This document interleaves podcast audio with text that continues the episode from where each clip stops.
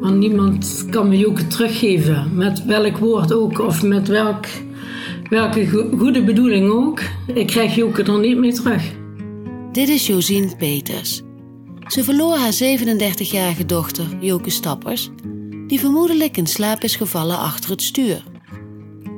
Joke was die ochtend teruggekomen van een werkreis op Malta en was bijna thuis toen ze bij Grubbevorst op een boom botste. In dit verhaal hoor je haar moeder Josien en Jokes broertje Joris. Het gesprek met Judith, Jokes zusje, hebben we later gevoerd en dat gesprek is niet opgenomen. Je luistert naar de podcast Project 46, een onderzoek van de Limburger naar de verkeersdood.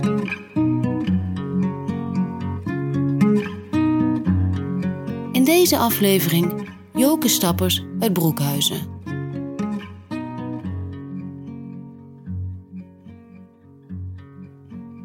De weg terug verloopt alles behalve soepel.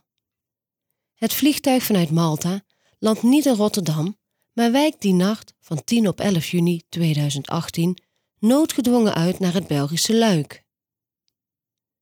Joke Stappers, 37 jaar, is met al haar collega's een weekendje naar Malta geweest voor een werkuitje. Vanuit Luik wordt het gezelschap die vroege maandagochtend met de bus naar de havenstad Rotterdam gebracht. Daar pakt Joke de auto terug naar Limburg. Haar drie collega's rijden met haar mee. Joke zet ze in de vroege ochtend nog thuis af en rijdt dan zelf naar huis. Het is even half zeven als Joke bijna thuis is. Ze is dan meer dan 24 uur wakker als ze over de Grubbe Vorsterweg in Lottem rijdt. Het laatste stukje is uh, vermoedelijk in slaap gevallen en uh, eigenlijk door een hele flauwe bocht zeg maar recht doorgereden en uh, tegen, tegen de boom aangereden. Joke, vermoedelijk in slaap gevallen, rijdt tegen een boom aan.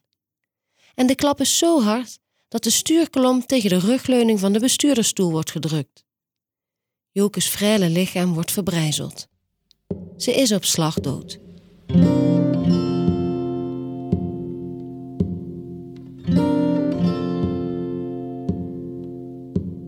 Had ze maar ja gezegd op de vraag of ze Jokes kleding wilde hebben. Maar kleding lijkt zo onbelangrijk als je net je dochter in het mortuarium hebt zien liggen. Kapotte en bebloede kledingstukken.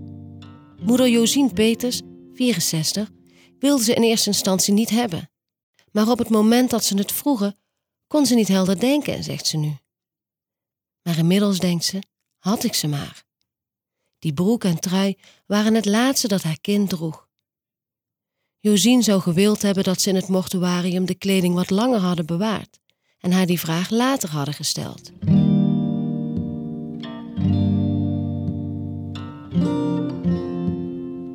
Josien ligt nog te slapen als ze die maandagochtend de deurbel hoort.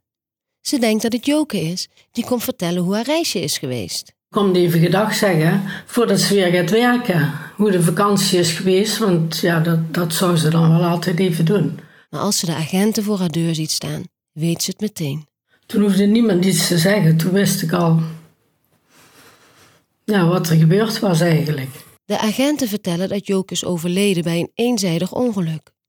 Josien raakt in paniek. Dat kun je bijna niet beschrijven hoeveel hoe pijn dat we doen en wat je dan uh, helemaal in paniek en ja.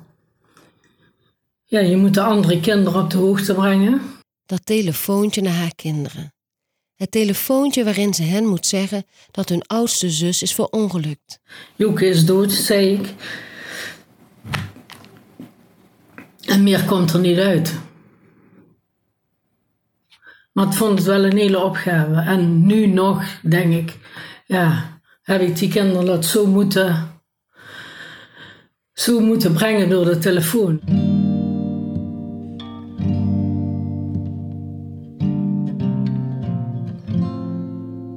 Joke is achter het stuur in slaap gevallen, denken Joris, Judith en Josien meteen na het ongeluk. Hartklachten had ze niet, drugs gebruikte ze niet, alcohol dronk ze niet en haar mobiel lag nog in het dashboardkastje. Maar ze was moe, dat wel. Ze was al moe voordat ze op vakantie ging, want ze had nog van alles georganiseerd uh, voor de volleybalclub. En ja, dan eh, vrijdags eh, op vakantie en dat hele weekend gefeest en dingen gedaan. Dus, en, de hele, ja, 24 uur niet geslapen. Hè? Vlak voordat ze op reis ging, heeft Joke tegen haar moeder en zus gezegd dat ze erg moe was. Ze zegde zelfs een concert van Guus Meeuwis af, waar ze met Judith naartoe zou gaan, omdat ze moe was. Joke zegde niet snel een afspraak af, dat paste niet bij haar. Ze wilde anderen niet teleurstellen, ook al ging dat ten koste van haarzelf. Maar Joke lachte. Ze lachte eigenlijk altijd. Ze had altijd een gulle lach op zich. Op welke foto of welk moment van de dag, altijd had zij een big smile op haar gezicht. Ze stond altijd voor iedereen klaar, had nooit een momentje eigenlijk voor zichzelf, want ieder ander ging altijd voor, zeg maar. Joke ging altijd door. Ze vond het ook gewoon leuk om veel te doen en te organiseren. Joke wilde het liefst niets missen. 24 uur in een dag waren eigenlijk nog te weinig voor haar, zegt haar zus Judith. En Joke had een tomeloze energie. Naast haar werk bij het uitzendbureau was ze druk met paarden, van kinds af aan al. Toen ze niet meer het ja, thuis woonde en geen eigen paard meer kon houden, toen is ze bij de paarden op de Lendehoeve, dat is een stukje hier verderop. En daar heeft ze op gereden en die heeft ze ook verzorgd. Dus ze was elke dag was ze te vinden op de Lendehoeve, toch bij de paardjes. En soms stond ze achter de bar. Vaak was ze daar al even, voordat ze naar haar werk ging, om de paarden te verzorgen. Ze kwam, uh, want dat zei ze, ik kom één keer in de week bij jou eten, mam, en anders zie ik jou niet meer. Zo druk was ze eigenlijk. En als ze bij familie op bezoek kwam, had ze nog geen rust. Een stukje wandelen vond ze maar niets. Joke moest een doel hebben. Ze was liever bezig met spellen of het organiseren van evenementen. Bijvoorbeeld bij de volleybalclub of als vrijwilliger bij het jaarlijkse evenement van de aspergemarkt in Grubbevorst. Na haar overlijden is er een straat naar haar vernoemd op de aspergemarkt. De Joke Stapperstroot. Het straatnaambordje zal elk jaar tijdens de aspergemarkt worden geplaatst. Een straat ter ere van haar inzet. Ze besefte gewoon niet wat ze eigenlijk allemaal voor relaties had, zeg maar, in, eh, in haar omgeving. En daar genoot ze ook niet van. Tenminste, naar mijn idee te weinig, zeg maar. En dat, uh, ja, dat was achteraf voor haar misschien nog wel, uh, ja, dat was een keer een stapje terug gedaan en ga genieten met, met de mensen om je heen.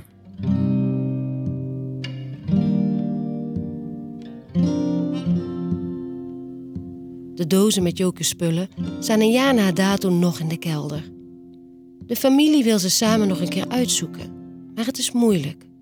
Het zijn haar spullen, haar privézaken. Want het is haar leven, uh, haar persoonlijke leven, waar wij eigenlijk ook niks meer mee te maken. Of ja, waar, waar je eigenlijk uh, ook niet in wil kijken, eigenlijk. Ja. Dat is wel moeilijk, ja. Josien voelt zich een beetje bezwaard daarin te duiken. De praktische afwikkeling na Jokes dood vergde veel tijd. Haar huis moest worden onderhouden, verkocht en leeggehaald. De verzekeringen stopgezet, evenals de abonnementen. Welke dat precies waren, wisten ze niet. Daarom hielden ze haar bankrekening in de gaten. Broer Joris werd er soms horendol van. Wachtwoorden, je hebt helemaal niks. Ja, net zoals de laptop. Misschien staan er nog wel, weet ik wat, voor dingen op die, waar ze misschien mee bezig was. Of foto's die je nooit gezien hebt. Maar zonder wachtwoord blijft de laptop dicht. Kun je nergens bij. En dan die uitleg. Elke keer opnieuw moesten ze vertellen dat Joke is overleden en dat daarom het abonnement of de verzekering moest worden stopgezet. Er is eigenlijk nog niet eens zoveel tijd geweest om te rouwen. En dan zijn er die vragen die door Josiens hoofd blijven spoken. Is haar dochter wel echt in slaap gevallen? Dus het eerste wat ik zei, als oh, is in slaap gevallen in de auto. En ik denk dat de politie daar ook een beetje op verder geborduurd is, want ze hebben geen gekke dingen gezien. Haar telefoon lag in het dashboardkastje. Ze had niet te hard gereden. En, en dat vind ik eigenlijk jammer dat, dat er toch niet een beetje naar gekeken is. Politie had gevraagd van willen jullie dat we verder onderzoek doen wat er... Ja, of er lichamelijk wat was met Joke, dat heb ik achteraf wel gemist, ja.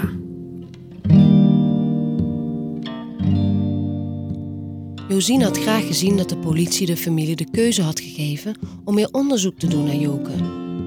Misschien waren er lichamelijke klachten die het ongeval hebben veroorzaakt. Waarom heeft ze die keuze toen niet gehad?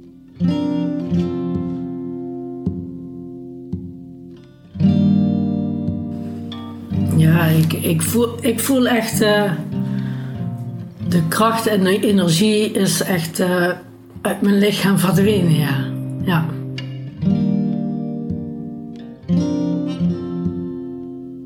Josien zit het liefst thuis. Ze probeert haar leven wel weer op te pakken door te werken, sporten of op de kleinkinderen te passen. Doet wel allemaal je dingen die je moet doen: uh, verjaardag, feestje, de kleinkinderen. Je doet alles, maar als je zegt van laat me hier maar zitten, dan zou het ook goed zijn. Maar ze weet ook wel dat dat niet de juiste manier is dat het belangrijk is al deze dingen wel te doen. In het verleden heeft mijn moeder ook haar kind verloren. Dus uh, ik, uh, ik weet wel wat dat voor impact op haar leven heeft gehad. Dus uh, je kunt niet daarin blijven. Je moet het leven weer op gaan pakken. Een paar keer per week gaat ze naar de plek waar ze Joke kwijtraakte. Gewoon even plantjes water geven. en even met haar, uh, in gedachten even met haar uh, babbelen. Maar of ze echt ergens is, ik vind het, vind het nu nog moeilijker. De urn met Jokes as staat in de woonkamer. Nooit zal ze die uitstrooien. Ze wil Joke bij zich houden.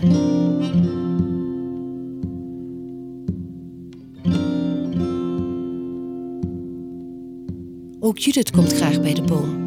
Dan voelt het even alsof ze dicht bij Joke is. Het leven gaat door, dat kan niet anders. Maar vanaf nu is er altijd het gemis van Joke, het gevoel van een zusje zonder zus, zegt ze. Uit het niets steekt het soms de kop op, zoals in de winkel, toen haar oog laatst viel op de paaseieren die Joke had gekocht voor het laatste logeerpartijtje bij Judiths kinderen. En ook Joris mist zijn zus. Vooral op de momenten waarin hij haar om raad vroeg. Of hij überhaupt al is begonnen met rouwen, dat weet hij niet. Hij is zo druk met zijn zaak en zijn jonge gezin.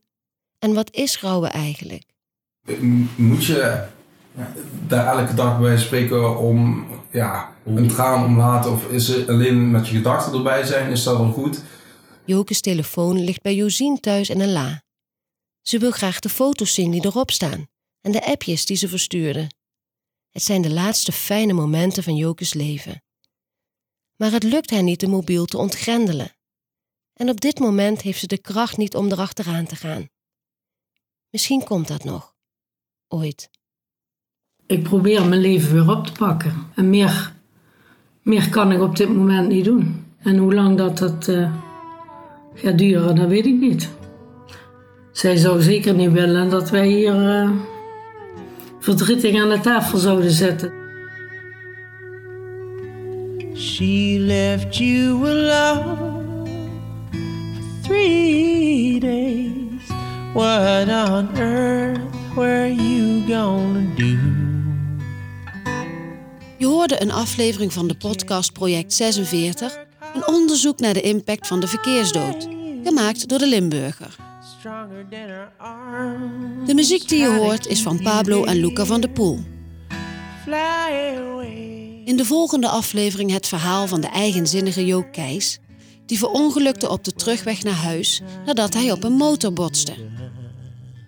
We spraken met drie collega's en vrienden over Jo. Ze houden sinds zijn dood altijd de stoel vrij waarop Jo iedere dag zijn biertje dronk. Verse groenten moest hij niks van hebben. Het was, het was een blikje. Een blikje? Een blikje groente. Of hij nam uh, van hier vijf frikadellen mee. dus um, fruit moest je ook niks van hebben. Alles wat gezond is. dus ja, maar hij heeft allemaal overleefd. Wil je niets missen? Abonneer je dan op deze podcast. En als je ons project waardeert, mag je natuurlijk altijd een review achterlaten. Dat helpt anderen deze podcast ook te vinden. En wil je alvast vooruit luisteren?